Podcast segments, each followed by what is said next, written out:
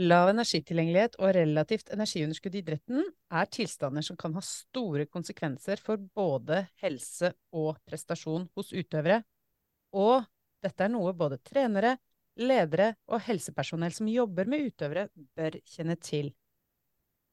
Nå i september, dvs. Si for ca. en drøy måned siden, så publiserte Den internasjonale olympiske komité oppdaterte retningslinjer for og eh, forståelsesmodeller for lav energitilgjengelighet og relativt energiunderskudd i idretten, kalt LIA og REDS. I denne episoden vil du få møte tre norske forskere som var med på dette arbeidet i IOC, og du vil få vite mer om hva LIA og REDS er, hvordan vi kan forebygge og håndtere, hvordan vi kan identifisere dette hos utøvere, og om du er nysgjerrig på hvordan en gjeng forskere jobber sammen for å utvikle sånne consensus statements og retningslinjer, så får du også svar på det. Velkommen til denne episoden av Trenerstudenten. Jeg heter Solfrid Bratland Sanda. Jeg er professor i idrettsvitenskap og fysisk aktivitet og helse ved USN studiested Bø. Og denne episoden har fått tittelen LIA og REDS. Og de forskerne jeg har invitert hit i dag, det er ingen ringere enn Jorunn Sundgård-Borgen, som er professor ved Norges idrettshøgskole. Monica Klungland Torstveit, som er professor ved Universitetet i Agder. Og Therese Fostervold Mathisen, som er førsteamanuensis ved Høgskolen i Østfold. Velkommen til dere tre. Tusen takk for det.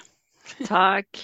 Og før vi starter, så er det jo viktig i disse habilitetstider å komme med litt opplysninger om bindinger. Så jeg må da informere om at jeg har publisert en rekke artikler sammen med alle dere tre. Og så må vi informere om at uh, Jorunn uh, har vært hovedveileder på doktorgradsarbeidet til uh, både Monica, meg selv og Therese. Så det kan være greit for lytterne å være klar over det, at vi, er, vi kjenner hverandre godt. Men Jorunn, du som uh, har vært med lengst i gamet og har vært med på flere sånne her uh, consensus uh, statements og, og, position stands, kan ikke du fortelle oss litt om både historien med utvikling av forskning på LIA Reds, men også litt om, om hvordan dere jobber med å, å komme fram til sånne konsensus statements i IOC? Dette er jo et felt som det begynte forskning på helt i begynnelsen av 80-tallet, altså lenge før dere som studenter var født. Eh, det er faktisk et felt som vi da regner som ganske ungt. Eh, og det feltet som eh, det er forsket mest på kvinner Alt det andre dere leser om i fysiologien, så er det jo forsket mest på mannlige utøvere. Men det man oppdaget tidlig på 80-tallet, det var at det var mange ballettdansere og maratonløpere, altså kvinner som hadde menstruasjonsforstyrrelser. Og da tenkte man på den tiden at det dreide seg om at de trente veldig mye. Men så oppdaget man også et par år senere at disse som hadde menstruasjonsforstyrrelser, de hadde også dårlig skjelett, altså redusert benmineraltetthet. Og så kom det noen tilfeller av alvorlige spiseforstyrrelser. Så begynte man å se på denne sammenhengen. Kunne det være noen sammenheng mellom det at de kanskje fikk i seg for lite mat, at de hadde menstruasjonsforstyrrelser, og at de hadde redusert benmineraltetthet. Så da, på 90-tallet, så ble dette omtalt som den kvinnelige utøvertriaden, eller the female athlete triad. Så allerede på 90-tallet var den første konsensus uh, rapporten både fra American College of Sports Medicine og IOC. Og da ble det veldig mye skriverier og litt sånn mistillit til, til dette feltet. For nå var man kommet i en periode hvor det faktisk var veldig positivt. Man så alt det positive ved at kvinner var fysisk aktive og trente mye. Og så kom dette på en måte som noe negativt. Så det var veldig viktig å få dokumentasjon på hva skyldes disse menstruasjonsforstyrrelsene. Og i den retning har jo forskningen gått at man fra å si at menstruasjonsforstyrrelser hos kvinnelige idrettsutøvere kommer av at de trener for mye, nå vet at en helt sentral faktor er at de rett og slett ikke får i seg nok energi i forhold til treningsmengden. Så da på ja, 2000-tallet eh, så har det vært en enorm utvikling på dette feltet. Og i 2014 så sier vi som forskergruppe at nå har vi kommet mye lenger. Nå har vi mer evidens, som vi sier. Vi har mer grunnlag for å si at det skjer mye mer når utøvere ikke spiser nok i forhold til eh, det de bruker på trening og kanskje vekst og utvikling for de unge utøverne, og til restitusjon osv. Det er mye flere konsekvenser enn bare det at de taper menstruasjon og taper benmasse. Så en rekke andre helsevariabler var det da dokumentasjon for å si at ble påvirket av det å ikke ha nok mat tilgjengelig. Ikke nødvendigvis alvorlig spiseforstyrrelse, men at man ikke hadde nok energi tilgjengelig. Eh, og også f.eks. at man ser at det har en psykologisk effekt, det å ikke ha nok energi tilgjengelig. Eller at det kan være en psykisk årsak til at man spiser for lite og får alvorlige konsekvenser knyttet til det. Og som jeg sier, så har det skjedd veldig mye forskningsmessig. Og når vi sitter eh, og, og jobber i disse som da omtales som ekspertgrupper på feltet, så betyr det at man internasjonalt har samlet de forskerne som gjør mest på disse områdene som er knyttet til lav energi, tilgjengelighet og REDS, eh, altså internasjonale forskere. Og så samler man, går man gjennom alt det som er gjort av forskning, for å se hva har vi av grunnlag for å gi de beste rådene for å ivareta utøverens helse først og fremst, og i neste omgang også legge til rette for at de kan prestere og ha det bra. Så det er altså utøveren som er i sentrum når vi jobber. Hvis det ikke er nok forskningsgrunnlag til å si noe konkret når det gjelder anbefalinger om hvordan vi best kan forebygge eh, eller ivareta de utøverne som har utfordringer knyttet til disse eh, områdene, så sitter vi da som eksperter og så ser vi på hvilke erfaringsgrunnlag hvilke erfaringsgrunnlag har gynekologen som jobber f.eks. med utøvere, hvilke erfaringsgrunnlag har treningsfysiologen, hvilke erfaringsgrunnlag har trenere og utøverne selv når det gjelder noen av disse problemstillingene. Og så sitter vi og diskuterer dette opp og ned og i mente, og så sier vi at ok, akkurat her har vi ikke nok solid forskning foreløpig, men foreløpig for at vi best mulig skal ivareta utøveren, så gir vi dette rådet. Og så oppfordrer vi til mye forskning på dette feltet, slik at vi ved neste gang, når man oppdaterer en slik konsensusrapport, som gjøres ca. hvert femte år, har nok grunnlag til å gi de aller beste rådene på de områdene hvor vi kanskje ikke hadde helt nok forskningsgrunnlag for å gi konkrete råd. Og det du kommer inn på her, er jo at det er jo ulike eh, veier til kunnskap. Det å anerkjenne at også den erfaringsbaserte kunnskapen, og at eh, et levd liv eh, også er kunnskap som er verdt å, eh, å ta med i betraktningen. Eh, men, men, at det forskningsbaserte og det vitenskapelig eh, funderte kunnskapen, den, den står på en måte litt også i særstilling, da. Mm. Monica, kan ikke ja. du ta oss litt sånn kort igjennom hva er LIA, og hva er mm. REDS? Mm. Det kan jeg godt gjøre. Og lav energitilgjengelighet, eh, når vi sier LEA, eh, så er det det engelske begrepet low energy availability. Eh, og det handler jo rett og slett om et misforhold mellom en utøvers energiinntak og forbruk. Så inntaket er for lite i forhold til energiforbruket til denne utøveren. Og da har man utilstrekkelig energi til å opprettholde kroppens funksjoner. Og det kan f.eks. være vekst og utvikling, eller det kan være at man ikke har nok energi til restitusjon eller homeostase. liksom å å opprettholde kroppens funksjoner. Og så er det sånn at eh, Lav energitilgjengelighet det kan være veldig kortvarig. Det kan eh, vare noen timer eller en dag eller noe. Og det er ikke nødvendigvis så alvorlig. Men det er når den lav energitilgjengeligheten blir litt mer vedvarende, og da kaller vi det problematisk lav energitilgjengelighet. Da ser vi at det kan ha noen konsekvenser. Og noen av disse helsekonsekvensene som jeg snart skal komme til, de kan være det vi kaller ikke-reversible. Altså det er ikke sikkert at de, vi får tilbake normal funksjon igjen etterpå. Og Derfor så må vi være kjempeoppmerksomme på dette med lav energitilgjengelighet. Og så er spørsmålet hva er REDS, da? Og igjen så har vi en engelsk eh, eller et engelsk begrep, da, og det er Relative Energy Deficiency in Sport. Så det er det vi kaller REDS. Eh, på norsk så snakker vi om relativ energimangel i idrett. Og det handler altså om når den problematiske lave energitilgjengeligheten blir såpass problematisk at det ender ut i helsekonsekvenser eller prestasjonskonsekvenser. Det er da man snakker om at man har dette syndromet REDS. Så Selve syndromet det refererer til redusert fysiologisk eller psykologisk funksjon, som da er forårsaka av problematisk lav energitilgjengelighet.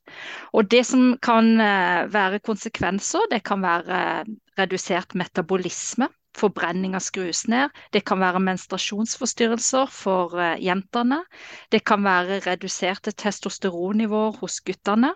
Det kan være redusert benhelse. Immunsystemet kan påvirkes negativt. Det kan påvirke glykogen- og proteinsyntesen, hjerte-karhelsen.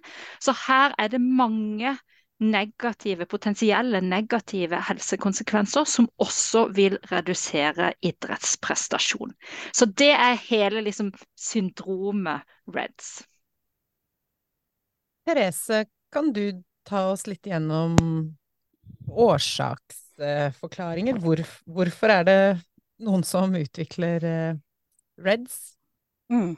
Ja, um det, jeg tenker at sånn kategorisk så kan man vel se at det er tre innganger til uh, å utvikle REDS, eller da å utvikle eller havne i en situasjon hvor du har lav energitilgjengelighet og derfor har en høy risiko for å utvikle symptomene klassifisert innenfor REDS. Da.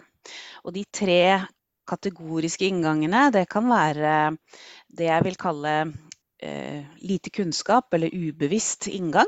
Eh, som da kan handle om at utøver, eller også trener og team rundt, ikke har vært eh, obs nok på å følge opp tilpasning av eh, kosthold og ernæring i perioder hvor treningsmengdene endrer seg. Vi trener jo sesongbetont, og i enkelte deler av sesongen eller eventuelt plutselig i forhold til alder at man får tilgang til å være med på høyere aldersnivå også, for å trene med flere lag eller flere timer per uke. Da. Så er man ikke like god på å følge opp med å spise tilstrekkelig. Eh, så, så, lite kunnskap eller ubevissthet rundt dette. Ehm, eller også praktiske konsekvenser rundt det at utøvere kanskje er veldig slitne etter trening og ikke nødvendigvis er sultne umiddelbart, eller til og med kanskje også kvalm etter tøffe treningsøkter. Eh, og utsetter det å, trene, eh, unnskyld, utsetter det å spise. Og med en hektisk treningsdag eller skoledag i tillegg, så kan det bli da forskyvninger i måltider som gjør at man til til slutt ikke har spist nok i forhold til behovet sitt. Så litt sånn uh, uforskyldt, kan du si, da, men som vi kunne lett adressert med økt kompetanse rundt utøveren og hos utøveren selv. Så har du den andre inngangen, og det kan være en bevisst inngang eh, hvor du prøver å manipulere vekten din eller kroppssammensetningen din, og derfor har satt i gang tiltak. Eh, enten ved å trene mer, eh, men samtidig bare spise det samme, eller eh, å spise mindre eh, samtidig som du trener eller eh, vanlig eller trener mer. Altså rett og slett en prøv, man prøver å manipulere energibalansen sin, da, ikke sant. Så man står igjen med mindre energi fordi man ønsker en endring i kroppssammensetning eller vekt. Og dessverre er dette en, en eh, ganske normal arbeidsmåte for å nettopp justere på vekt og kroppssammensetning, men som også derfor har konsekvenser som kan eh, klassifiseres som enten eh, lav, moderat eller høy risiko for å, for å utvikle mm, flere symptomer og alvorlighetsgrad innenfor REDS-spekteret. Tredje kategorien det vil være utøvere som har et anstrengt forhold til egen kropp og mat, og eventuelt spiseforstyrret atferd, eller også en fullt utviklet spiseforstyrrelse. Og det handler i stor, stor grad om mye av det samme som i den andre, eh, kategori nummer to som jeg listet opp nå, at man ikke evner å innta nok energi i forhold til forbruket sitt. Så det tenker jeg er de viktigste tre inngangene til det å stå i en situasjon hvor du er i lav energitilgjengelighet. Kan du også si litt om eh, Monica var jo også litt inne på det, men si litt mer om, om mulige konsekvenser? Ja, Monica nevnte jo det at det, det kategorisk deles inn, og, det syns jeg er verdt å nevne. At denne publikasjonen fra denne IOC-gruppen er absolutt eh, glimrende å titte på, for den har en del slike illustrative fremstillinger. Og der finner du to veldig fargerike, gode illustrasjoner på helseeffekter og prestasjonseffekter fra det å, å, å være i lav energitilgjengelighet og som på en måte skisserer hele REDS-spekteret. Um, og jeg, jeg, tror det skal være litt viktig å poengtere dette som, som, Monica nå også forklarte med hva er det Lea handler om. Altså jo du spiser for lite i forhold til forbruket ditt, og derfor står igjen med for lite energi til å drifte basisdriften i kroppen din, da, cellenes uh, liv og omsetning. Um, og så kan det være viktig å påpeke for oss som, som er fysiologer, som har forståelse uh, rundt dette med hvordan kroppen vår styres, styres. Vi, har, vi, vi er enten i en anaboltilstand eller i en kataboltilstand. Eh, og anabol det er du når du har spist. Da har du mye anabole hormoner i kroppen. Du har høyt nivå av insulin, du har høyt nivå av veksthormoner og IGF-1, det som, som, bygger opp kroppen og ruster kroppen til magrere tider. Um, mens når, når, man er i en Lea-situasjon, som Monica skisserte, hvor du har spist for lite, du har brukt mer på trening enn, det du eh, hadde råd til, fordi nå står det igjen med for lite energi til å drifte kroppen din, så er det mange som er i den tanken at ja, men vi har fettreserver på kroppen, så vi kan jo hente litt energi fra fettreservene. Men idet du henter energi fra dine egne reserver i kroppen, så er du jo i en katabol tilstand. Du har katabole hormoner i kroppen som bryter ned. Og mye av disse hormonene det er jo også de som styrer organenes funksjonsevne. Så når Monica nå listet opp en del konsekvenser av å være i lav energitilgjengelighet, eh, så handler jo det om både hvordan hormonbildet ditt er i kroppen, men selvfølgelig hvor fri er tilgangen til lett omsettelig energi, som primært er karbohydrater. Eh, og når du nå er mer i en kataboltilstand enn i en anaboltilstand fordi du holder igjen på energiinntaket eller spiser for lite, og spesielt har for lite karbohydrater, ja da går det utover en rekke organfunksjoner og systemer.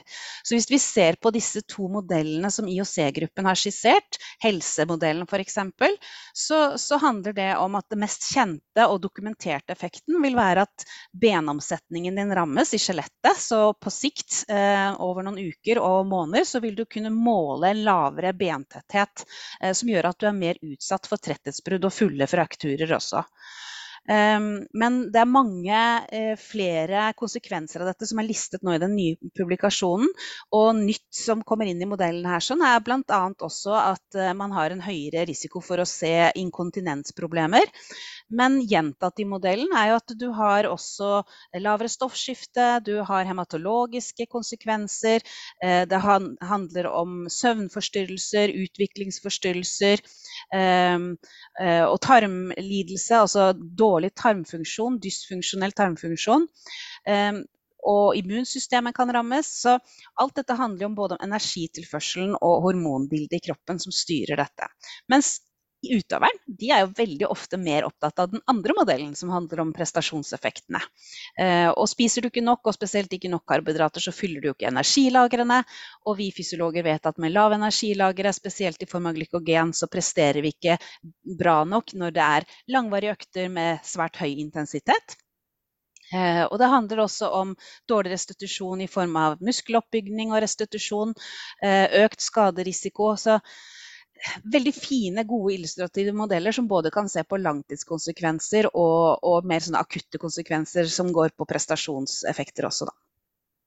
Og så tror jeg det er viktig å eh, bare nok en gang understreke at det vi snakker om nå, det er et eh, energiunderskudd hos utøvere som i utgangspunktet kanskje egentlig ikke skal ha et sånt underskudd. Eh, sånn at hvis det er noen som hører på den episoden og begynner å lure på ja, hva, hva med personer med sykelig overvekt og er det liksom Er det de samme mekanismene, er det farlig for de å gå ned i vekt? Så det er ikke den gruppa vi snakker om.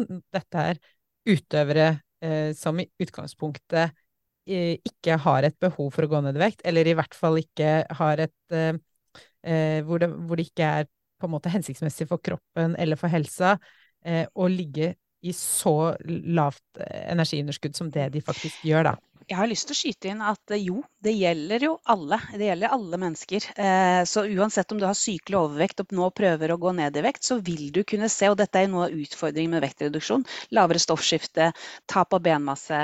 Men, men, prestasjonseffekten er jo helt klart mest merkbare for eliteutøverne våre, de som, som, som, er i utvikling og skal prestere og ha en formkurve. Eh, og det som skiller dette her, er jo helt klart at det kan se ut som utøverne spiser bra med mat i forhold til de som prøver å slanke seg men siden de har så stort forbruk, så er det ikke nok mat og energi. Mm. Mm. Absolutt. Jorunn, før vi snakker litt om, eh, om, hvordan vi skal forholde oss til dette, og hvordan vi skal identifisere det, eh, kan du si litt om eh, hvor, hvor, vanlig er dette eh, i ulike utøvergrupper, og, og litt om hvilke, hvilke idretter kanskje som er mest utsatt? Veldig lenge så trodde vi at eh, dette var utfordringer som var mest vanlig eh, hos de som drev idretter hvor man alltid har tenkt, uten at det nødvendigvis har vært dokumentert, at eh, det har vært viktig å være så lett som mulig eller ha en lav fettprosent. Så mye av forskningen har jo hatt fokus på akkurat disse såkalte risikoidrettene. Altså sånn som f.eks. turn, rytmesportsgymnastikk, skihopp, eh, langdistanseløp, syklister osv. Så i litteraturen så vil det fremdeles stå at det er en overhyppighet i disse miljøene både når det gjelder forstyrret spiseatferd og lav energitilgjengelighet og REDS. Men det vi ser nå de senere årene, det er at dette er eh, utfordring som vi finner i alle idrettsmiljøer. F.eks. blant ballspillerne så sa vi i mange år at der var det ikke noe utfordring, for der var det plass til alle kroppstyper. Men vi ser dessverre at blant fotballjenter og gutter, håndballjenter og gutter, så er lav energitilgjengelighet og også spiseproblematikk en utfordring. Så altså i alle miljøer og i alle aldersgrupper og på alle nivåer må dere være oppmerksomme på dette eh, fenomenet. Og da kommer jeg jo litt over på dette med å identifisere, som vi er så innmari opptatt av, at nettopp dere som treningsfysiologer skal nå Kjenner dere hva dette går ut på. ikke sant? Hva er årsaksforholdene, hva er komplikasjonene, eller de mulige komplikasjonene knyttet til det. Men så skal dere også tørre å ta tak i det. Uh, og da vil jeg absolutt anbefale dere å gå rett i artikkelen som uh, Monica Klungland Thorstveit har skrevet, i tillegg til selve konsensusrapporten, der det utdypes veldig godt hvordan kan vi forebygge, for dere blir jo den viktige brikken her i forhold til å forebygge problematikken. Og da skriver Monica om denne tredelingen når vi snakker forebygging, som jo er primær, sekundær og tertiær.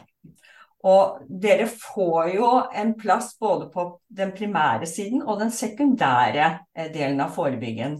Nå har dere hørt om årsaksforhold, og det er jo viktig at man kjenner til årsaksforholdene når man skal være med på å redusere eller minimalisere de risikofaktorene som er der.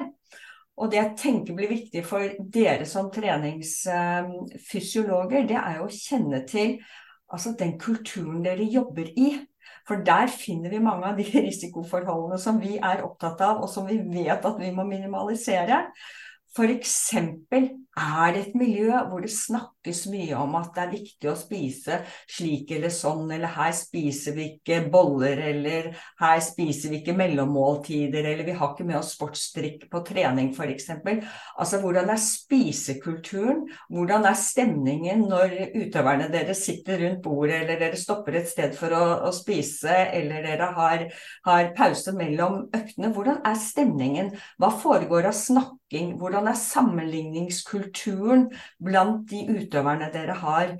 Er det en eller to som stadig snakker om misfornøydhet med egen kropp, eller eh, vil det beste eksempelet på hva dere kan se etter, er å lese Akkurat i dag skriver Kalla, en av de beste skijentene våre fra, fra Sverige, om akkurat dette dere skal være oppmerksomme på. Hun har, for oss som jobber i problematikken, så har vi sett Vi husker glade Kalla, som elsket å gå på ski, og som alltid sprudlet. Og så har vi dessverre sett de siste årene en ikke glad Kalla. Og hun har selv snakket om at hun har vært lei seg, hun har hatt triste perioder, og hun har svingt veldig i prestasjon. Noe som dere kan se etter. Og hun forteller nå om hvordan hun forsøkte å være litt vegetar, ja, vegetarianer, og hun forsøkte på egen hånd, istedenfor å spørre fagpersoner som hun har mange av rundt seg, hvordan kan dere hjelpe meg så jeg får et bedre forhold til min egen kropp, og ikke hele tiden kjemper etter det som er en av risikofaktorene, å få en kropp som en av de andre beste har. Selv om hun ikke var født til å ha den kroppen. Altså det higen etter å hele tiden skulle endre vekta si eller kroppssammensetningen. Det å prøve å spise annerledes, prøve å slanke seg på egen hånd, det er sånne risikofaktorer som dere bør fange opp som treningsfysiologer. Så det var liksom litt på den derre primære delen. Så driven kan ligge der hos utøveren selv, uten at dere som treningsfysiologer har sagt eller gjort noe gærent. Men dere må se på og følge med på atferden først og fremst til de utøverne dere har. Og ikke nødvendigvis tro at alle går ned i vekt. Ja, mange av de svinger i vekt, og de svinger i prestasjon. Det vil jeg si er sånne tidlige symptomer som dere skal se etter som treningsfysiologer. Og så kommer kanskje inn på mer sekundær eh, forebygging, hvis du Monica tar litt på det. Ja, det kan jeg godt. Eh, og du har jo allerede hatt mange gode eksempler her, Jorunn, på, på mulige symptomer, hva man kan kikke etter. Og når det gjelder sekundærforebygging, så handler jo det i stor grad om tidlig identifisering. Eh, så primærforebygging handler jo på en måte om å unngå at noen utvikler lav energitilgjengelighet eh, og REDS. Eh, og sekundær så er det liksom vi må være litt framme i skoa. Vi må være observante. Og vi deler ofte symptomene inn i tre eh, ulike kategorier. Og det ene er jo fysiske symptomer, og så har vi psykiske symptomer, og så har vi det, denne atferden da, som Jorunn også var inne på. Eh, og hvis dere skal være litt framme i skoene og være observante, så tenker jeg fysiske symptomer. Eh, for jentene så har vi jo dette kardinalsymptomet med menstruasjonsforstyrrelser. Eh, det vil jo gjelde for de som ikke bruker eh, prevensjonsmidler. men det er et veldig godt signal. Eh, det kan være andre årsaker til menstruasjonsforstyrrelser enn lav energitilgjengelighet, så det må man selvfølgelig utelukke. Det mest ja, kjente på å si, er jo graviditet. Men, men, vi vet samtidig at det er en uh, sterk sammenheng mellom lav energitilgjengelighet og menstruasjonsforstyrrelser. Og så er det jo guttene da, som ikke har uh, menstruasjon. Men eh, de får jo reduserte nivåer av testosteron som ikke er forenlig med god prestasjon eller god helse. Og de kan jo kjenne dette f.eks. For i form av lav libido, lav seksuallyst. Dette er vanskelig og litt sånn sårbare tema og sensitive tema å snakke om, men jeg tenker vi må kunne snakke om det som, eh, som gode veiledere. Eh, så kan det være mye hyppige uforklarlige skader. Det kan være litt sånn sure sur, stiv litt, eh, muskulatur. Liksom, mange får problemer med lårene. Eh, det kan være magevondt, oppblåst mage, det kan være svimmelhet. Og så er det jo dette her med vekt som er litt vanskelig. For noen går jo noen ned i vekt eller har vektsvingninger. Og så er det jo som både meg og Therese var inne på, at kroppen er jo så smart at forbrenninga vil jo skrus ned etter hvert hvis den lave energitilgjengeligheten er problematisk over lengre tid. Og da vil man ikke gå videre ned i vekt. Så veldig lav vekt er ingen god, eh, eller ikke noe veldig godt symptom. Sånn sett. Så har vi de psykiske, eh, og det handler jo kanskje om humørsvingninger, eller man er trøtt og sliten og lei seg og ukonsentrert. Eh, dette med misfornøydhet med egen kropp, som Jorunn var inne på, eh, kan være et symptom. Eller økt fokus på å spise såkalt sunt. Kutter ut matvarer. Eh, Therese nevnte dette med karbohydrater, og det er jo noe vi ser når vi jobber med utøvere, at plutselig er det noen utøvere som får en eller annen slags karbohydratfobi eller fettfobi, eller skal ikke spise ditt eller datt, eller de bytter fra over til lettprodukter eller skal spise knekkebrød i stedet for brødskiver. Altså, det er en del sånn endringer som man skal være litt oppmerksomme på. Og til slutt dette med atferd. Treninger kan få en større plass i livet. Plutselig begynner man å løpe eller sykle til trening hvis man før tok buss eller ble kjørt. Eh, Ekstraøkter kan inkluderes. Eh, motivasjon eller hensikten med øktene kan dreie seg litt fra prestasjon til mer kropp og utseende. Eh, og dette med prestasjonsstagnasjon, eller kanskje nedgang.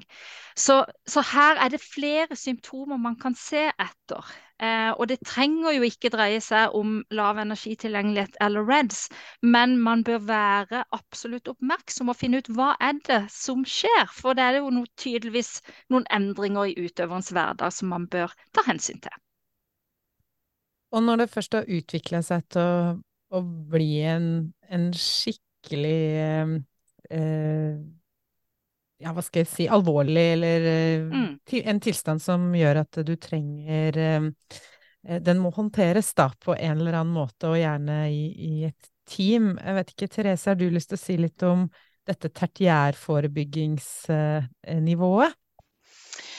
Uh, ja, jeg tror uh, kanskje Monica vil være best i å si litt uh, mer om hva de selv har vektlagt i denne publikasjonen. Men jeg kan jo skyte inn det at en utfordring når det gjelder idrettsutøvere som nå har utviklet et anstrengt forhold til mat og kropp, og som har laget slike rigide regler eller ekstra treningsrutiner, um, de kan jo oppleve at de møter et behandlingsteam som ikke forstår idretten godt. Eh, så det kan, det kan, være litt utfordrende å være idrettsutøver og bare sendes videre til det generelle offentlige helsesystem for hjelp. Um, og derfor så vil det være veldig viktig at vi har et tverrfaglig team som representerer også idretten. Så om det er trener eller en fra støtteapparatet, gjerne en helsetreningsfysiolog som har kompetanse på både rundt kosthold, eh, kroppens fysiologi og, organsystemer, men også trening og periodisering rundt trening, kunne vært en veldig viktig kompetanse inn for å bidra i eh, res, eh, jeg finner ikke det norske ordet, du vil lete på engelsk ord, men altså til å bidra til tilhelning, til tilfriskning eh, hos, eh, hos utøveren. Kan jeg bare legge til en liten ting der, for jeg er jo helt enig med deg, Therese. Og så tror jeg vi skal, som treningsfysiologer, eh, kjenne også vår besøkelsestid. For vi skal jo ikke behandle. Så når vi er kommet til disse alvorlige konsekvensene, at vi har syndromet REDS, så må vi ha helsepersonell inn. Men det som er viktig, det er at vi kan tenke på hele økosystemet rundt utøverne, og vi kan alle være en god støttespiller og støtte opp under denne behandlinga og være der for utøveren.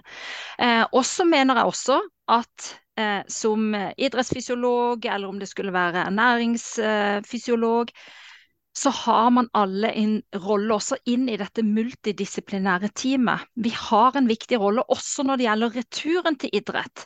Så når man da kanskje er på en måte friskmeldt, eh, og så skal man begynne å trene seg opp igjen hvis man har hatt skader osv., så, videre, så har vi alle en kjempeviktig rolle her.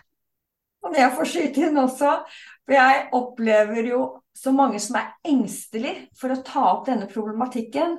Men som eh, treningsfysiolog så snakker du jo med utøverne dine.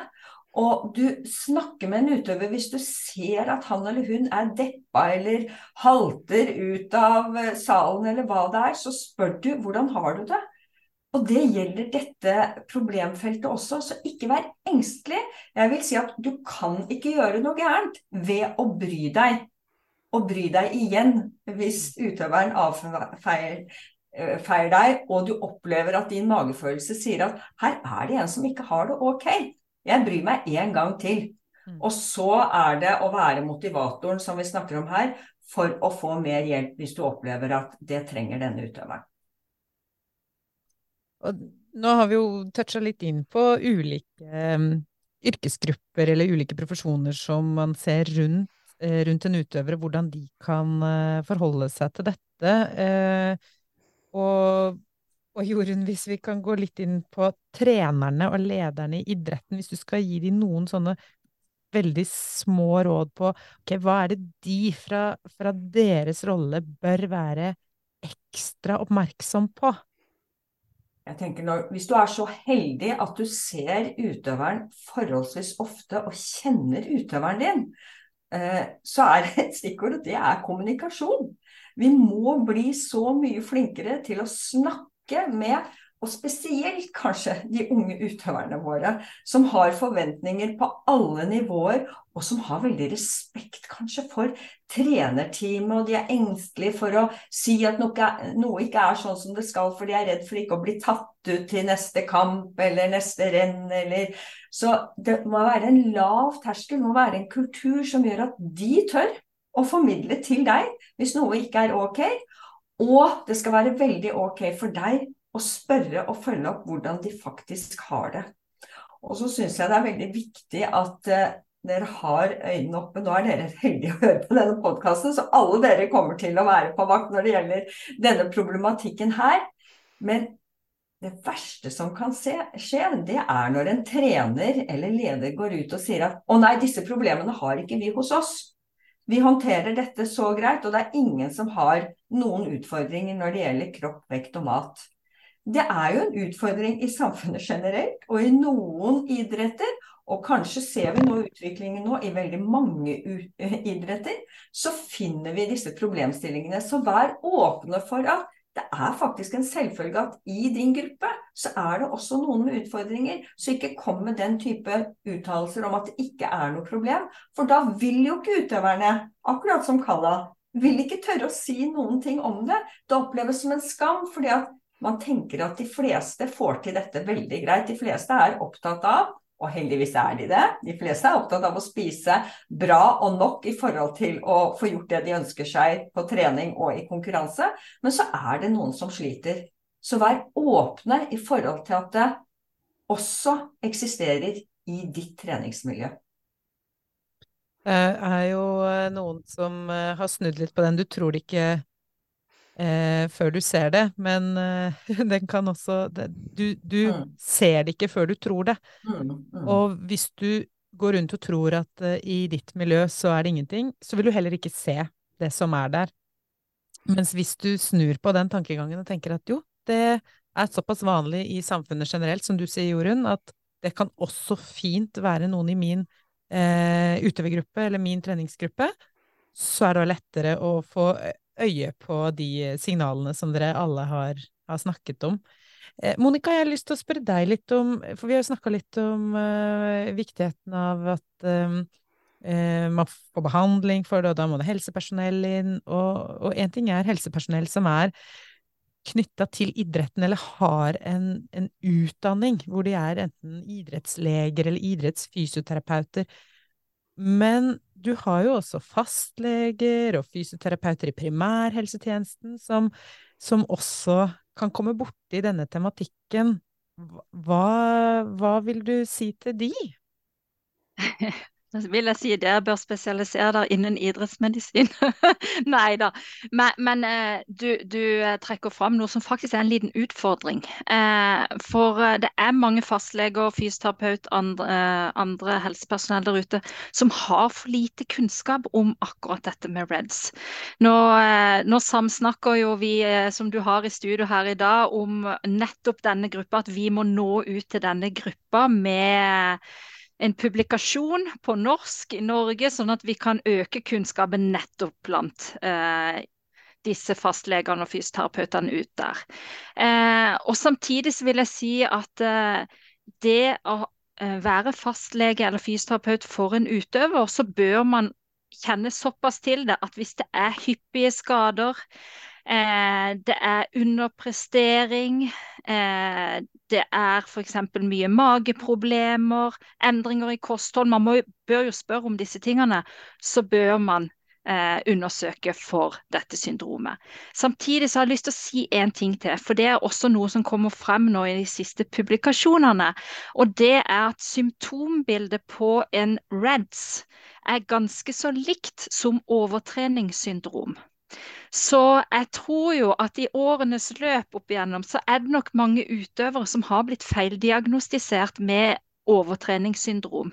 Og fått på en måte sikkert beskjed om å, ja, at de må roe helt ned og ja, bruke lang tid på å komme seg tilbake, uten at man da har sett på f.eks.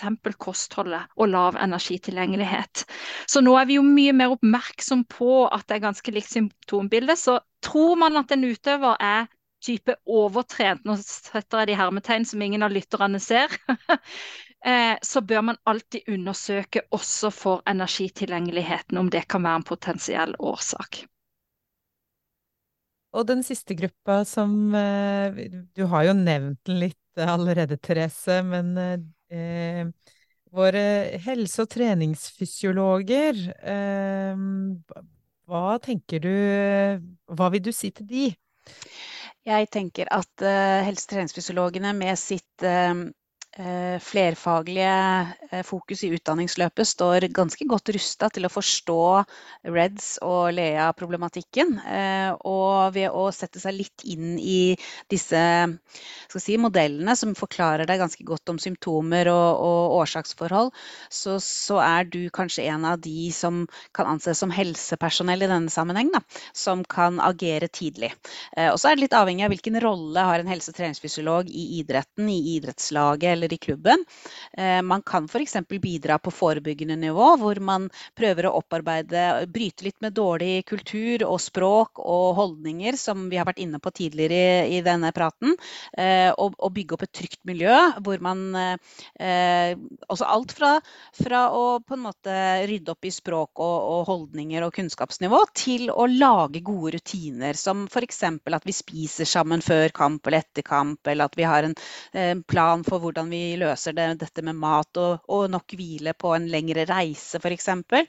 Så, så alt sånt fra, som går på et forebyggingsperspektiv med å lage en god kultur, til å identifisere tidlig. Eh, fordi du som helse- og treningsfysiolog forhåpentligvis jobber tett med utøverne i, eh, i, trening og kjenner til treningsfysiologien og formtilpasning, sesongvariasjon i treningsmengde og forventet utvikling hos utøvere. Så, så du, kan, du, kan, ta tidlige symptomer enten på prestasjonsnivået eller på helsenivået ved å se at det er enkelte symptomer her sånn, som, som du syns er litt diffuse vage, og så gå litt nærmere inn og snakke med utøveren om det. Hvis det er en utøver som plager, klager mye på magesmerter eller vondt i magen eller luftproblematikk eller fordøyelsesbesvær, så, så, er jo dette ett av eh, symptomene som er listet over REDS-modellen. Så når ett av disse symptomene dukker opp, så kan det være verdt å begynne å undersøke er det noen andre symptomer da, som, som kan begynne å nøstes opp til at dette er en, en LEA-problematikk. Lav energitilgjengelighet. Eh, eller om det da i, dette tilfellet var en matintoleranse, matvareintoleranse eller næringsstoffintoleranse f.eks. Eh, så, så, det å kjenne til symptomene og være tidlig ute og identifisere, se utøveren som ikke har den formutviklingen man forventet med dette treningsprogrammet, og prøve å gå inn til den utøveren og, for, og forstå hvordan er restitusjonen, og i hele restitusjonsbegrepet også se på matinntak. Da. Eh, og, og, da kan jo også helse- og treningsfysiologen bidra veldig tett da, i dette tverrfaglige teamet som vi nå har vektlagt, som bør til når en utøver trenger hjelp, enten i et tidlig forløp eller i et, eh, et mer alvorlig komplekst forløp, med å komme inn med bl.a. treningskompetansen og den støtten eh, som en utøver vil trenge når den skal tørre eh, å bevege seg inn på en ny vei og bli friskere. Jeg tenker, tenker, kjempeviktig i return to play-fasen eh, at det er nettopp en eh, treningsveileder som kan tilpasse treninga. For mange må justere eh, treningen sin i forhold til at de har kommet i en situasjon hvor eh, de skal bygge seg opp igjen. Og hvis du har en fastlege i det teamet og en eh, fysioterapeut, så kan ikke de nødvendigvis noe om å tilpasse treningen der og da. Så det vil også en helsetreningsfysiolog være ekspert på i dette teamet. Jorunn, hvis du, du fikk jo starte med å si litt om utviklinga på både forskninga og forståelsen og kunnskapen på dette feltet. hvis du skal se litt framover, hva, hvilke forventninger har du for dette forskningsfeltet og, og kunnskapsfeltet framover? Det er et utrolig spennende og viktig felt, og det skjer så mye nå. Så jeg tror bare om to-tre år så vil vi ha mange flere svar enn det vi har i dag når det gjelder dette problemkomplekset. Og vi vil vite enda mer når det gjelder guttene. Eh, foreløpig så har vi mest kunnskap når det gjelder kvinnelige utøvere, selv om det de senere årene har vært gjort mange gode studier også på, på guttene, så henger det litt etter der. Og så er vi nødt for å få mer kunnskap når det gjelder ulike nivåer. Men jeg er faktisk optimist når det gjelder at vi på sikt kan bidra i kampen mot denne utfordringen. Alle vi som jobber med og for utøvere, vil jo at de skal ha det helt topp når de holder på med idretten sin, og at de skal bli i idretten så lenge som de har lyst til. Og at de skal få ut sitt potensial. Og da må vi sammen forhindre at noen kommer i en egentlig helt unødvendig situasjon ved at de ødelegger helsa og reduserer prestasjonsmuligheten sin fordi det ikke er nok energi tilgjengelig. Det syns jeg Det å starte, nei, avslutte litt sånn optimistisk, det er alltid veldig fint. Tusen takk, Jorunn, Monica og Therese, for at dere bidro til denne podkastepisoden. Og så kommer vi til å linke til de publikasjonene vi har snakka om, altså alle disse nye publikasjonene eh, som dere finner i eh, British Journal of Sports Medicine. Det linker vi til i episoden, sånn at eh, der, der, skal dere kunne eh, klikke dere inn på det. Igjen, tusen takk til eh, dere for at dere bidro, og tusen takk til deg for at du lytta.